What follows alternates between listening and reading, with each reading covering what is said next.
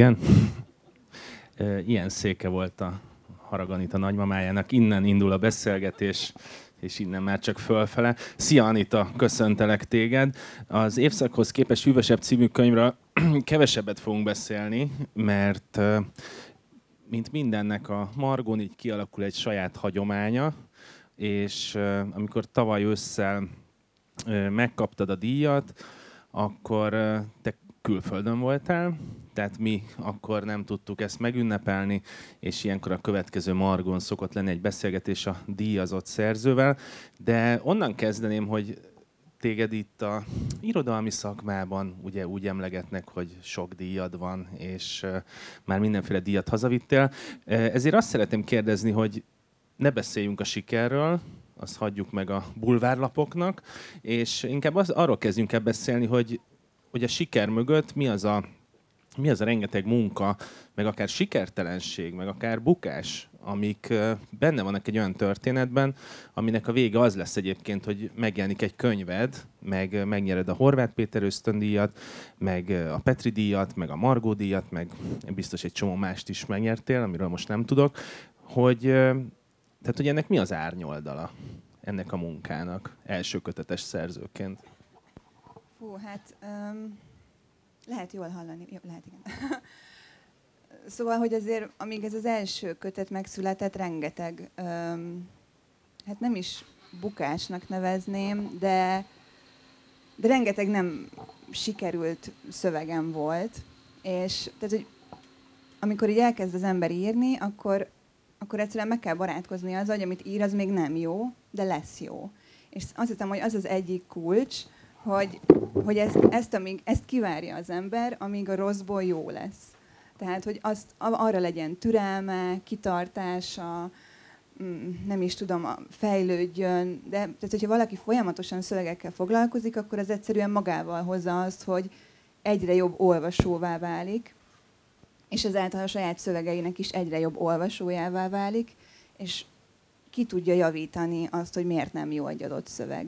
Tehát én ezt, ezt nagyon-nagyon fontosnak tartom, és ezek a nem sikerült szövegek voltak azok, amik, amikből végül jó szövegek lettek. Tehát, hogy nem engedtem el azt, amikor rossz volt, hanem igenis dolgoztam rajta addig, amíg jó nem lett, vagy amíg úgy nem éreztem, hogy ez, hogy ez jó, vagy kész van, és akkor elkezdtem megmutatni műhelyekre vittem, a független mentorhálózatban a Szollát Dávid volt a mentorom, tehát kaptam egy ilyen szakmai visszajelzést, ami szintén, mert ugye nálam is teljesen úgy volt, hogy tehát fejlődik az ember, de sokszor még azért a saját szövegeire így vak. Tehát hogy, tehát, hogy nem tudja azért objektíven megítélni, és nagyon hasznos, főleg az elején egy külső szem. De én azt gondolom, hogy nem csak az elején hasznos egy külső szem, tehát hogy a, a, nem tudom, minden, úgy tudom, vagy legalábbis nekem is így van, hogy, hogy vannak ilyen nagyon kedves előolvasóim, akiknek nagyon jó szemük van, és, és, és a mai napig, és szerintem ez örökké így marad, hogy, hogy az ő, most, ez, most nagyon sokszor használom, hogy az ő szemükre egyszerűen szükségem lesz mindig. Tehát, hogy mindig kelleni fog a visszajelzés. Emlékszel arra a pillanatra, amikor úgy érezted, hogy megírtál egy szöveget, és most már tényleg tudod, hogy az ez szöveg jó?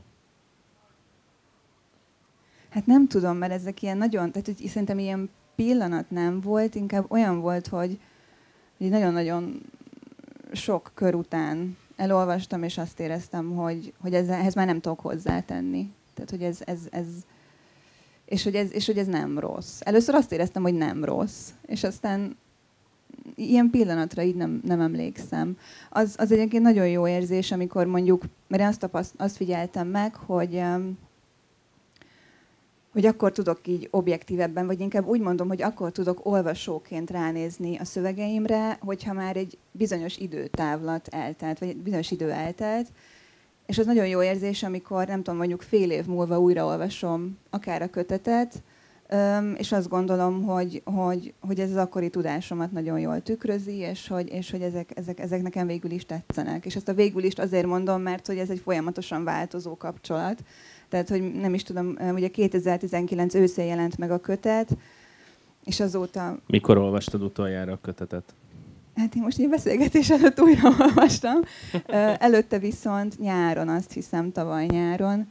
És és olyan érdekes, hogy mindig mást veszek észre benne, ami így nagyon hülyén hangzik, de ugye minden olvasó mást vesz észre egy adott kötetben, és azért már nagyon sok idő eltelt azóta, hogy én, ezt a, hogy én ezt a kötetet megírtam, és tényleg tudok már olvasóként viszonyulni hozzá, és emiatt így vannak újfajta értelmezéseim, vagy inkább újfajta látószögem. Ezek az újraolvasások egyébként mit adnak hozzá ahhoz a ö, írói világhoz, amiben mondjuk párhuzamosan mozogsz most, tehát amiket most írsz?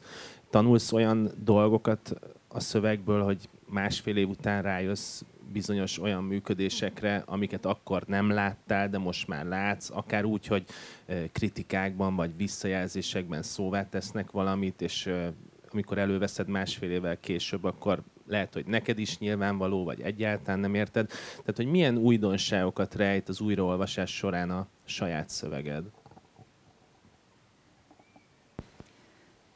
Nagyon nehéz, mm, vagyis bizonyos szempontból nem nehéz összeegyeztetni a, úgymond, most ez a két énemet, a két írói énemet, tehát nagyon sok olyan téma van például ebben a kötetben, ami, ami most is foglalkoztat, de valahogy azt érzem, hogy, hogy mint hogyha a mostani szövegeimnél máshol lenne a hangsúly, és tehát ilyen mag, a magot azt érzékelem ebben a kötetben, tehát érzem azt, hogy honnan indulok, vagy, vagy a szövegeim honnan indulnak, tehát ezek valahogy annyira mélyen foglalkoztatnak ezek a témák, vagy ezek a karakterek, hogy, hogy nem tudom őket elengedni, és valahogyan beárnyékolják egy kicsit a mostani szövegeimet is, miközben most már tudatosan igyekszem arra törekedni, hogyha azt érzem, hogy ugyanazt írnám, vagy ugyanúgy írnám, mint, mint uh, ugyanúgy írnék valamit, mint ebben a kötetben, akkor azt így azonnal leállítom magam. Tehát, hogy,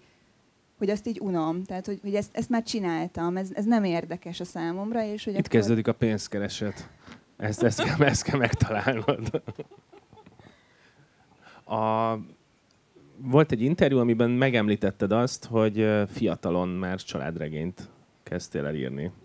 És hát nem tudjuk kihagyni ebben a portré beszélgetésben azt a kérdést, hogy tizenpár évesen hogy ül le az ember családregényt írni, és meddig jutottál el ebben?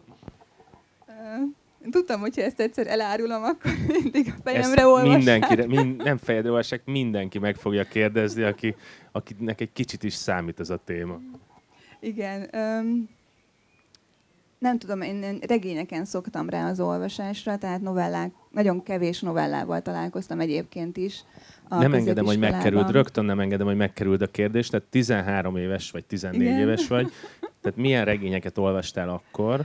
Um, nekem az első nagy olvasmány élményem az az Abigail volt, um, mert nem, addig nem szerettem a kötelezőket valahogy, nem, nem éreztem rá, és rögtön utána a Robert Mernek a Maleville, ami egy elég éles váltás, de mind a kettő nagyon-nagyon erősen formálta az akkori, az akkori 13-14 éves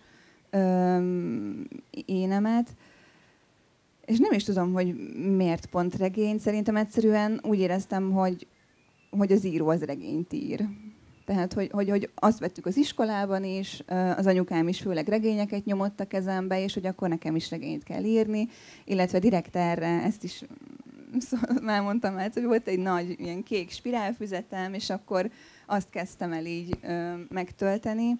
És egyébként egy Nickelodeonos sorozatnak volt így az átirata, nem tudom, hogy valaki emlékszik erre, hogy egy ilyen mese, mesefilm volt, és hogy egy, egy család utazgatott a világban, és talán dokumentumfilmeket csináltak, és hogy én ebből kiindulva megírtam a saját roadtripemet, és azt csináltam, hogy a, az a, az atlasz bújtam, hogy Ázsiában milyen országokban és milyen városokban mehetnek, és ott mi történhet, és természetesen volt benne egy ilyen romantikus szál, és na mindegy, szóval minden ilyen, amit így azt gondoltam, hogy, hogy így nekem érdekes lehet, azt, azt így bele, beleírtam.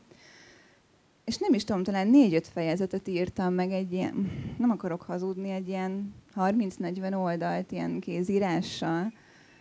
És aztán valahogy így, nem tudom, talán elkezdődött, utána, ez nyáron volt, arra emlékszem, a nyári szünetben, utána pedig valahogy így elkezdődött a suli, és akkor meg már nem, nem volt úgy időm rá talán azt állíthatjuk a fiatalkori regényírás és bújjuk a térképet, meg az atlaszt, hogy mi történik a világ különböző pontjain típusú kérdésnél. Azt állíthatjuk, hogy a világ felfedezése is valahogy így az íráson, meg az olvasáson keresztül történt meg neked nagyon határozottan?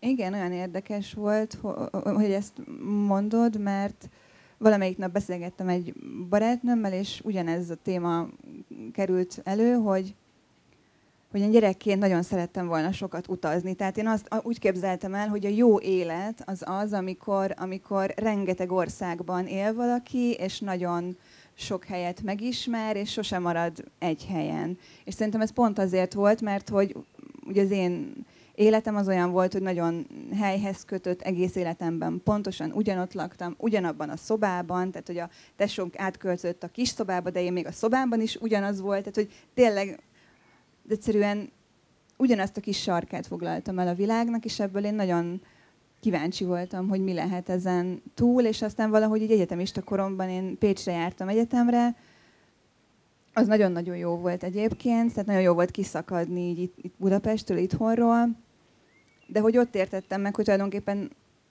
igazából csak így a saját helyemet kell megtalálni most, hogy ilyen, az én kicsit ilyen közhelyesen hangzik, de, de hogy nem kell ahhoz utazni, hogy érdekes legyen az élet, vagy hogy jó legyen az élet, és szerintem ezért is foglalkozom a szövegeimben is mondjuk ilyen nagyon egyszerű mindennapi dolgokkal, hogy, hogy valahogy én úgy érzem, hogy abban kell megtalálni az érdekeset, ami így körülvesz, és, és nem pedig hajszolni az érdekeset, vagy nem, nem is tudom, hogy... Említetted az egyetemet, és ott egy másik ilyen fun fact van, az indológia, hogy hogy lehet ezen keresztül megtanulni a magyar mondat működését? Um, igazából nem is az indológia, hanem a fordítás. Tehát um, volt egy, vagy van egy nagyon kedves szerzőnk az indológia tanszéken, a Szaádat Hassan Mantó, aki novellákat ír, egy nagyon jó novellista, és az ő novelláit kezdtük el fordítani um, ezen a műhelyen, és nekem nagyon nem ment. Tehát, hogy valahogy nem szólaltak meg magyarul, pedig már ilyen 23-24 éves voltam, és valahogy nem, tehát azt, amit próbáltam átültetni magyarba, vagy magyarra, az, az, az ne, magyarul nem működött, mert valahogy nagyon erősen hatott a fülemre az, hogy hindiül hogy van az a mondat. És azt akartam ráerőltetni a, a, a magyar ö, mondatra is. És nagyon sokszor volt ilyen, hogy, hogy így át akartam írni a szöveget, és, és ez is egy ilyen volt, hogy, hogy, hogy mondták nekem, hogy én ezt nem írhatom át. Tehát, hogyha nem tetszik, akkor se írhatom át. És, és, és ott mindig az volt, hogy, hogy, hogy azt kellett meghallani, hogy hogyan működik magyarul egy mondat. És nekem ez, ez, ez ennél a fordításnál nagyon nehezen ment. És érdekes módon a saját szövegeimnél viszont azt éreztem, hogy megy. Tehát, hogy, hogy ott, sok, ott, ott, ott nincs ilyen kérdés, hogy, hogy, hogy, hogy hogyan hangzik jól egy mondat, mert az úgy, az úgy jött magától. De amikor valaki másnak a hangját kellett volna átültetni öm, magyar nyelvre, akkor ott valahogy elvesztem a kettő között. Ezen a ponton szeretnélek megkérni, hogy olvas fel egy szöveget,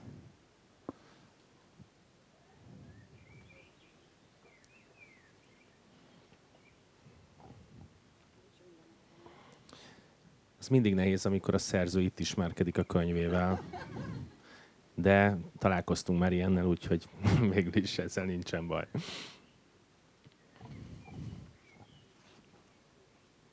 A Minden csütörtökön októbertől novemberig című novellának fogom felolvasni az elejét. Japánul számolok. Ics, nészen, így számolom a fekvőtámaszokat. A tornaterem padlója hűvös, gumiszaga van. A rajta lévő szőnyegeknek enyhe izzadságszaguk. Nem zavar, hogy rá kell feküdnöm, ráteszem a tenyeremet, csinálom a fekvő támaszokat. Si, go, rock. Rendesből csak hatot tudok megcsinálni, felülésből megy mind a tíz. Si, szics, hács, kjú, dzsú. Gábor edző megdicsér, a fekvőtámasznál azt mondja, tegyem le a térdem, ha nem bírom. Ránézek a bátyámra, mind a tizet megcsinálta. Megpróbálok még egyet, de felnyomni már nem tudom magam, visszarogyok a szőnyegre. Széttárom a karomat. Nem így kell nyújtani, mondja Gábor edző. Keddenként Gábor edző tartja az órát, csütörtökönként Kis Gábor. Gábor edző néha azt mondja a fiára, ifiabb. Ifiabb, gyere és mutasd meg, hogyan kell csinálni azt a dobást. Ritkán vannak ott az edzésen mindketten, de ha mégis, a bemelegítést Gábor edző tartja, a gyakorlást az ifiabb. Kis Gábort nem kedvelem annyira, pedig az idősebb lányok jobban szeretik. Az idősebb lányok 14 évesek, ketten vannak, és a keddi alkalmat néha ellogják, a csütörtök itt soha. Nézem Kis Gábort, miért tetszik nekik, mi tetszik benne. 30-as vagy 40-es, ezt sosem tudom megítélni, a 30-asokat 40-esnek látom, a 40-eseket 50-esnek.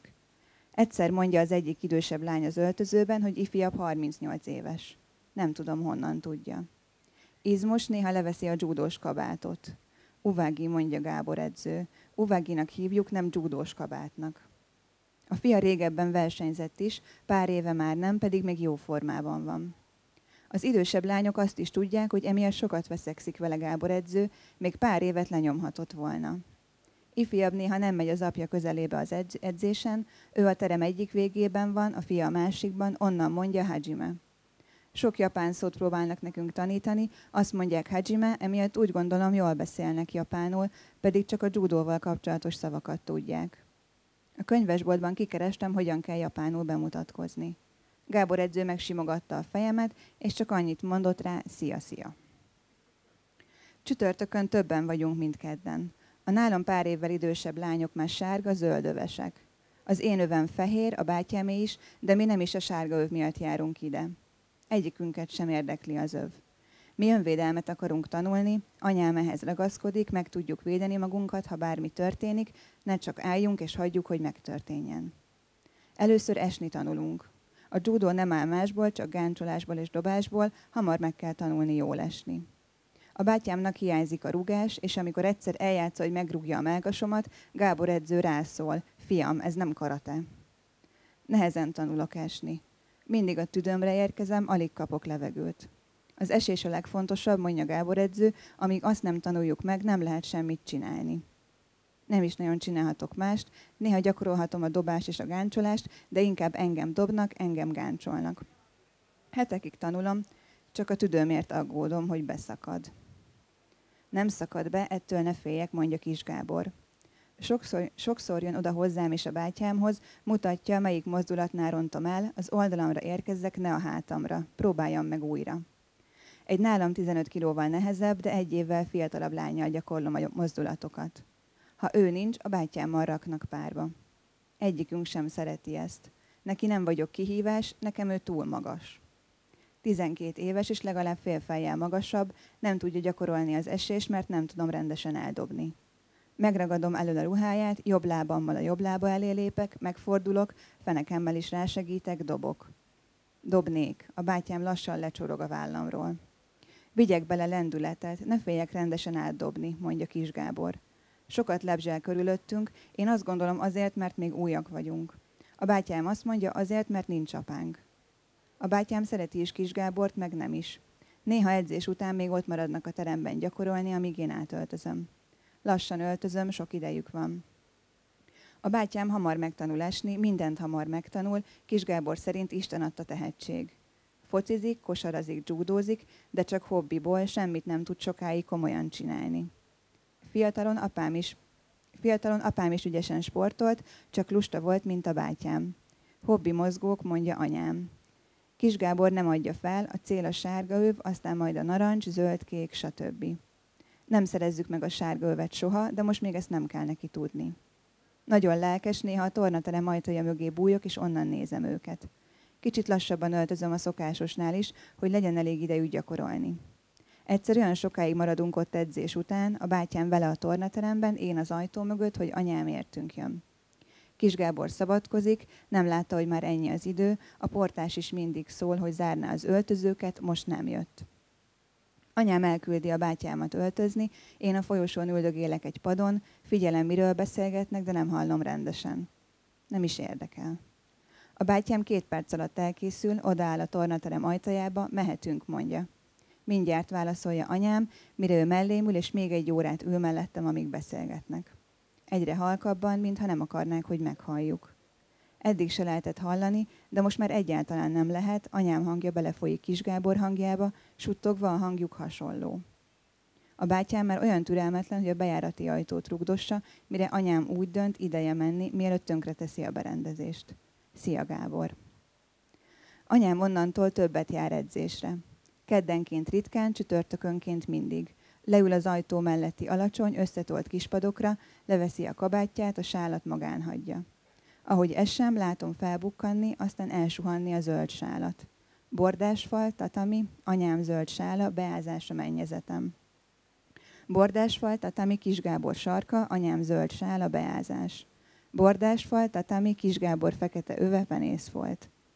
Kisgábor körbe-körbe sétál a teremben, mindig, mond valamit, mindig mond valamit neki, amikor elmegy mellette. Ő ilyenkor mosolyog, pedig nem az a mosolygós fajta. Kisgábor nagyon jókat mondhat, ha ennyit mosolyog. Óra után megyünk átöltözni, lassan öltözöm, lassan veszem le a nadrágot, lassan húzom fel a farmert. A bátyám bejön és rám szól, igyekez már. Minek sietni, válaszolom. Anya úgy is beszélget. Inkább öltözte lassabban.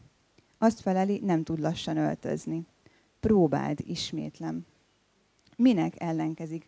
Ha sürgetjük anyát, úgy, úgy is befejezi a dumálást, meg különben is, mi a francot beszélget vele ennyit, mondani kell neki, hogy menjünk már. Hiába mondja, anyánk még egy órát beszélget Kis Gáborral. Mi kint ülünk a padon, a kabátot nem veszem fel, ő felveszi, ezzel is jelezve induljunk. Anyánk biztos nem akarja, hogy belemelegedjen a kabátba, meglátja és indulni akar, vagy minimum rászól. Nem szól semmit, a bátyám megunja, leveszi. A sálat először magán hagyja, de aztán azt is leveszi. Később is túl hamar elkészül. A világ lassan öltözőkből és gyorsan öltözőkből áll. Köszönjük szépen. Egy tapsot uh, szeretnék kérni Anitának. Azért azt tudod, hogyha most a 90-es évek, évek végén lenne a Margó, és a Friderikus Sándor vezetné a műsort, akkor megkérnélek, hogy dobjál rajtam egyet. De, de ezt most... Nincs rajta dóvág, nem tudlak eldobni. Ezt most szerencsére mindketten megúsztuk. A következő kérdésem, amin szeretnék tovább menni, az az, hogyha elképzeljük haraganitát, hogy fel kell rajzolnunk egy ilyen panoptikumot, hogy kik azok a szerzők, kik azok a, vagy mik azok a könyvek, amik hatással voltak rád, mint egy ilyen felhőt mondjuk, akkor kik azok a szerzők, és mik azok a könyvek, amik hatással voltak rád? Nem tudom, hogy nekem van egy olyan elméletem, vagy ezt magamra biztos, hogy igaznak érzem, hogy hogy amit olvasok, az, az, az mind valamilyen szinten és valamilyen szempontból hatással van rám, még akkor is, hogyha nem tetszik, és hogy azt tudom, hogy ezt nem akarom csinálni, vagy, vagy a fejemben elvetem. Mondjuk mostanában olyan is van, hogy vitatkozok könyvekkel, és érdekes módon pont azok a könyvek maradnak meg a legjobban, amikkel vitatkozom.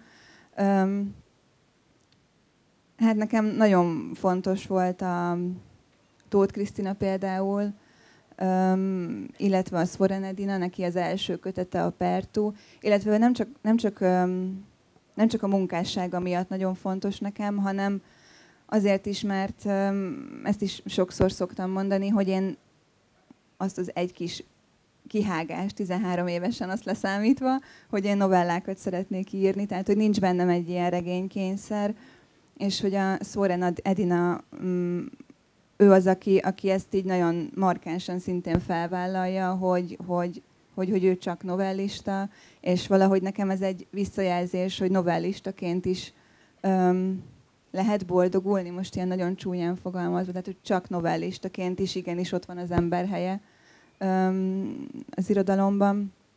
És ez nem jelenti azt, hogy nem tudom, pár év múlva ne, le, ne, ne dönthetnék úgy, vagy ne láthatnám azt egy szövegen, hogy, hogy ez így szétfeszíti a novellának a kereteit, de tehát, hogy nem, nem, nem, nem zárkózom el tőle, de hogy most nagyon úgy látom, hogy amit csinálok, ahhoz ez a forma az, ami, az, ami illik. Illetve um, viszonylag késő jött nekem az életembe a Carver, a Raymond Carver, um, de valahogy amikor őt olvastam, akkor azonnal azt érzem, hogy igen, én is valami ilyesmit akarok csinálni, valahogy az ő minimalizmusa az nagyon, az nagyon válasz volt arra, amit én csinálok, és, és, és nagyon jó. Úgyhogy, úgyhogy ők, ők, ők, akik így nagyon fontosak. Bocsánat, hogy közbe kérdezek. volt egy vitánk a, a könyves magazin levelezési listáján, hogy a te esetedben mindig Svoren Edinát és Tóth Krisztinát emlegetik az emberek. Nem csak mi, te is, ugye, meg aki, aki a könyvedről ír, és hogy azon kezdtünk el gondolkozni, hogy vajon miért van az, hogy egyébként férfi szerzőket nem hozunk egy pályakezdő nőszerző esetében példaként. Ez, ez lehet, hogy egy tök mi ezen jól elvitatkoztunk, de ilyeneken szoktunk, ilyen hülyeségeken, hogy, hogy neked van ilyen, nem is tudom, mi a jó szó rá, tehát, hogy ilyen skatujázás, hogy, hogy amikor te megjelensz az úgynevezett pályán, akkor nőkhöz kezdenek el hasonlítani, és egyébként nem merül fel az, hogy mondjuk milyen férfi prózaíróhoz lehet hasonlítani? Nem, nem, én ezt nagyon nem szeretem, amikor így, tehát hogy én se azért szeretem a Tóth Krisztát, meg a Szórádinát, mert nők, hanem azért, mert jó írók, és, és jó, jók, a, jók a szövegeik, jók a novelláik. Um, de mondhattam volna egyébként Bodor Ádámot is, csak, csak ő az ő prózája kicsit jobban távol áll talán az én szövegvilágomtól, miközben pont ezért nagyon inspiráló. De hogy én nem szeretem azt, amikor, amikor egy szerzőnél ne, a nemét olvassuk. Tehát, hogy én azt, én azt nem... Ugye nekem is, tehát ez, én is észrevettem ezt, és én is rájuk hivatkozom, de valahogy valahogy nem tudom, azt érzem, hogy amikor én, én, én, én írok, akkor mindig nőként vagyok jelen. És mindig, mintha mindig oda kéne rakni, hogy novellista, vesző író, ö, novellista, veszén, vesző nő. És hogy olyan érdekes, hogy amikor van egy férfi novellista, akkor nem szoktak így csak férfiakra hivatkozni, vagy, vagy nem is tudom. Tehát, hogy olyan, mintha az így természetes lenne, hogy, hogy igen, hogy rájuk sok, sok, sok szerző hathat, és igazából nem is figyelünk föl, hogy most férfiak vagy nők, míg egy nőre viszont, az, az nem, mintha az nem lenne természetes, hogy akkor erre folyton reflektálni kell, hogy igen, ő egy nő. És annyira, én nagyon örülnék neki egyébként, hogyha, hogyha nem az lenne ott, hogy engem így nem, nemem szerint olvasnak, hanem csak a szöveget olvassák. Nem tudom, hogy a vitátok az egyébként hogy nézett ki, mert ezt tökre érdekelne. Hát ezt nyilván nem tudom a választ már, hogy mi lett a vége, de igazságos, döntetlen biztos volt. Hogy most ki kell néznem a magvető kiadóra egy pillanatra, hogy a, mert a legjobb könyv cím az idei Margon a Svoren Edinája, és természetesen elfelejtettem, és nem akarom pontatlanul mondatok a csodálkozásról. Köszönöm szépen. Nekem ez a kedvenc címem idén, és vasárnap este lesz azt hiszem a Margon, úgyhogy oda is várunk mindenkit szeretettel. Arra szeretnék még visszatérni, hogy egy ilyen erős állítást és kiállást tettél a novella műfaja mellett, és nekem van egy ilyen évek óta tartó harcom azzal, hogy a novellát próbáljam megszeretetni ismerőseimmel, és, és ebben el szoktam bukni. Pedig van egy ilyen nagyon jól kidolgozott monológom, ami arról szól, hogy ebben a Netflix kultúrában, ahol 30-50 perceket sorozatosan, vagy különálló epizódokban fogyasztunk tartalmat, fogyasztunk történeteket, abban a világban számomra teljesen értetetlen, hogy a novella az miért nem lesz egy ilyen iszonyú sikertörténet. Úgyhogy arra kérnélek, hogy a, a lehetetlent fogom kérni tőled, hogy, hogy mi az, amiben számodra a novella többet ad neked, vagy akár olvasóként többet ad neked, mint a, a próza. Vagy a regény, bocsánat, igen. Most miért még válaszolnék erre, két dolog jutott eszembe. Az egyik az, hogy szerintem rossz oldaláról fogtad meg, mert a Netflix ez pont nem jó példa. Mert ott van ez a, ez a sorozat darálás. Tehát van pont az a jó, hogy egy csomó van, és, és tudod egymás után nézni a részeket, amik összefüggnek.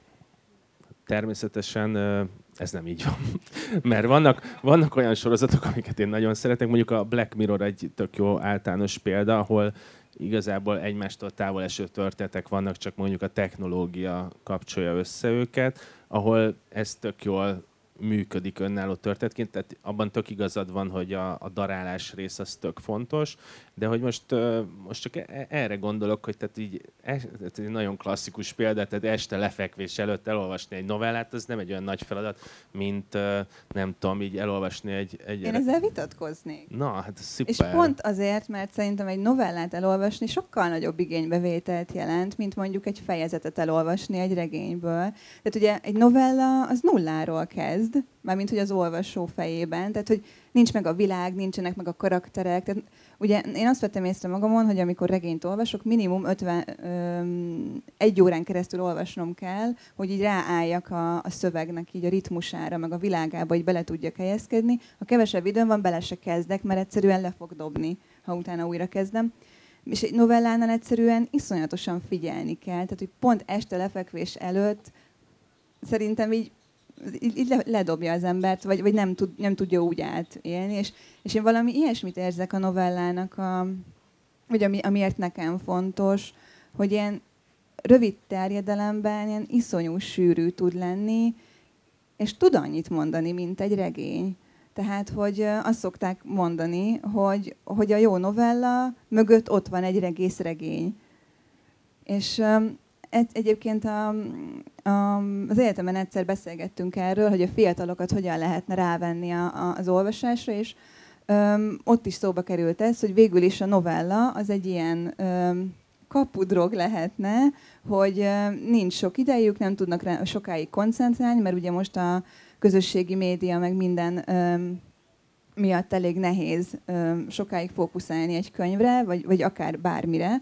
Öm, és hogy akár egy két megálló alatt így lehetne olvasgatni egy novellát, és hogy én pont azt mondtam, hogy, hogy aki alapból nem, ol, nem olvas semmit, őt nem fogjuk bevonzani a, ezzel, a, ezzel, hogy hát, hogy van öt perced, és akkor olvassál valamit, mert hogy valahogy, mint hogyha a regényekkel lehetne így ráállítani.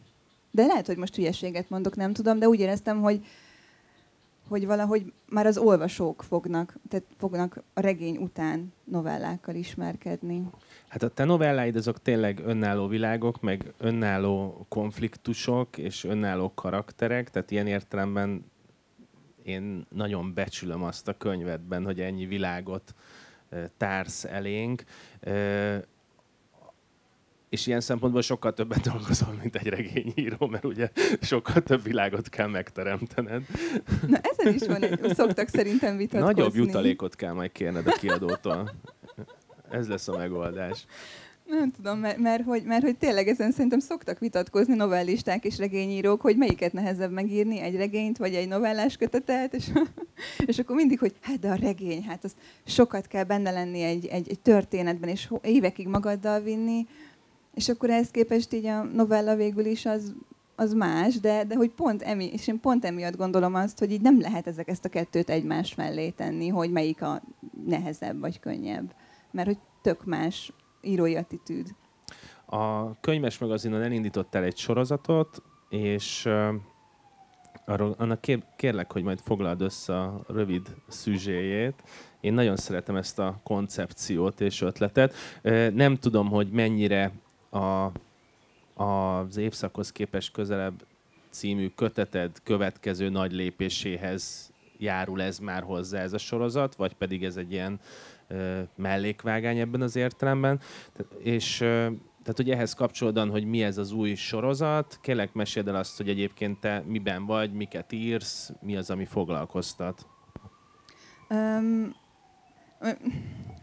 most olyan béna helyzetbe hoztál, mert emlékszem, hogy amikor beszéltünk ezt a koncepciót, és mondtad, hogy mit írj hozzá ilyen felvezető szövegnek, akkor mondtam, hogy semmit ne árulj el abból, hogy én mit szeretnék csinálni. Hát most minden akar... rád van bízva. um, igen, és egyébként nem szeretem ezt a, hogy a spoiler, meg nem tudom, szóval nem, inkább csak az, hogy én felépítettem um, vagy most is építem egy nagyon erős koncepciót, és ez nekem is egy játék, és nagyon kíváncsi vagyok, hogy az olvasók hogyan vesznek részt ebben a játékban, és ezért nem szeretnék erről a koncepcióról magáról túl sokat elmondani, mert félek, Azért hogy akkor... a vasárnapi ebédet elárulhatjuk. Igen, azt el fogom mondani, csak gondoltam felvezetem, hogy több is van itt, mint amit most el fogok mondani. Um, igen, tehát, hogy ez tulajdonképpen az összes, mind a 12 uh, tárca egy vasárnapi ebéd, ebéd lesz a fókuszban, és ugyanaz a négy családtag, apa, anya, fiú, lány, és hogy engem nagyon érdekelt az, hogy a családnak a dinamikája az hogyan működik, hogyan változik, akár úgy, hogy apróságok változnak a család életén belül. Um, és hogy igen, és hogy az még, az még fontos, hogy, hogy, hogy a gyerekek azok már kirepültek, tehát, tehát mindig hazajárnak a vasárnapi ebédre, és, és akkor mindig ebből az életükből van megmutatva egy, egy, egy jelenet, egy vasárnapi ebédnek a jelenete. Köszönjük, ez egy high concept sorozat, de ezekben ez a legjobb, hogy akkor azt, azt mondd meg, hogy, tehát, hogy ez a következő nagy projekt, hogy ezt végigírjad, vagy van egy másik, ami ennél is jobban izgat, és még kevesebbet fogsz elárulni róla? Ez pontosan így van. nem engem ez most nagyon izgat ez a játék, mert tényleg nekem is játék, tehát hogy nagyon élvezem ezt, ezeket a novellákat, vagy ezeket a tárcákat, vagy nem is tudom, inkább novellák ezeket írni. Mi online minden ilyen műfaj határt elsöprünk, nem jó, foglalkozunk. Jó, jó, akkor jó, mert úristen, én még soha nem találtam senkit, aki meg tudta volna nekem mondani, hogy mi az a tárca. Tehát, hogy... Szerintem ez csak a darvas és a szívernő, amikor beszélget, akkor... akkor kiderül, igen. Um, és az a legrosszabb egyébként, hogy mindig, amikor találok egy jó kifejez, egy jó mondatot, amivel meg tudom fogalmazni, hogy mi a tárca, akkor mindig elfelejtem. Úgyhogy ez annyira dühít, mindegy, bocsánat. Üm, igen, szóval engem ez most nagyon uh, mozgat, meg egy nagyon izgi játék nekem, remélem, hogy az olvasóknak is, de én ezzel párhuzamosan írok egy uh, másik uh, novellás kötetet, ami még nekem is alakul a fejemben, tehát egyáltalán nem nincs egy ilyen um, koncepció a fejemben, mint ennél a, a sorozatnál, azt tudom, hogy ilyen sokkal hosszabb novellák, sokkal hosszabb novellák lesznek benne, tehát hogy egy ilyen 6-7 novellát szeretnék majd beletenni. és nagyjából a fejemben is van, hogy ez hogy fog kinézni. Annyit még elárulok, hogy, hogy, hogy ennek a kötetnek az egyik novelláját fogom tovább írni de igyekszem majd azért máshogy, tehát hogy nem ismételni szeretném magam, hanem egyszerűen csak amit mondtam az elején, hogy nem hiába ezek a, nem hiába ezek a témák foglalkoztatnak, meg ezek a karakterek. Igen. Egy utolsó kérdésem van hozzád, hogy tényleg azzal kezdtük a beszélgetést, hogy sokféle elismerésben volt részed a pályádnak a rögtön a kezdeti szakaszán, hogy ezek jelentkeznek ilyen elvárásként, nyomásként, szorongásként, bármilyen értelemben az írás során? Mm, igen, abszolút. Um, emlékszem, hogy amikor megjelent a kötet 19-ben, és elolvastam a bemutató előtt, akkor, és nem azért, mert annyira jónak tartottam, hanem azért, mert akkor már nem írtam egy éve semmit, és kicsit aggódtam, hogy tudok-e majd bármit is írni, és hogy amit írok majd, ez lesz olyan jó, mint ezek.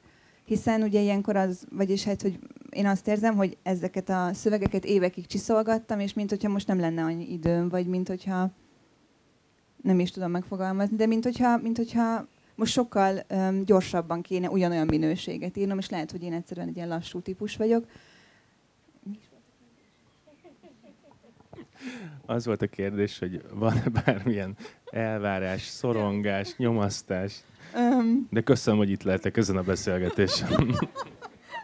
Elbeszélgetek magammal, ne haragudj. Az az igazság, hogy nem tudom, így most vagyok először így sok ember között, meg hogy így beszélgetünk, így a Covid alatt, és bocsánat, még új, újra vissza kell rázódnom ebbe, hogy itt így ez, ez történik. Um, Szóval igen, igen, az a baj, alapból szorongó típus vagyok, tehát én rá tudok görcsölni ilyenekre, de, de azt is érzem, hogy most már telt el annyi idő, így az elismerések között is, hogy most már így ki tudtam ezt söpörni a fejemből, vagy el tudtam ettől vonatkoztatni. Úgyhogy szerintem ez most nem fog engem gátolni. Egyébként, bocs, még azt nem mondtam el, hogy engem a kudarcok, a, amikor még nem volt kötet, akkor engem azok nagyon inspiráltak, mert hogy az volt bennem, hogy nem tudom, mondjuk amikor visszautasított egy folyóirat, hogy ó, fenébe, én megmutatom neki, hogy én tudok ennél jobbat, hogy, hogy, hogy egyszerűen, illetve berakta a fülembe a bogarat, hogy, hogy akkor megtaláljam azt, hogy ez miért nem jó, vagy szerintem miért nem jó, és akkor így utána mentem, hogy megvizsgáltam, nem tudom, tehát hogy engem ezek inspiráltak nagyon. Úgyhogy az se baj, hogyha a következő nem lesz sikeres, mert akkor majd a harmadik, vagy nem tudom.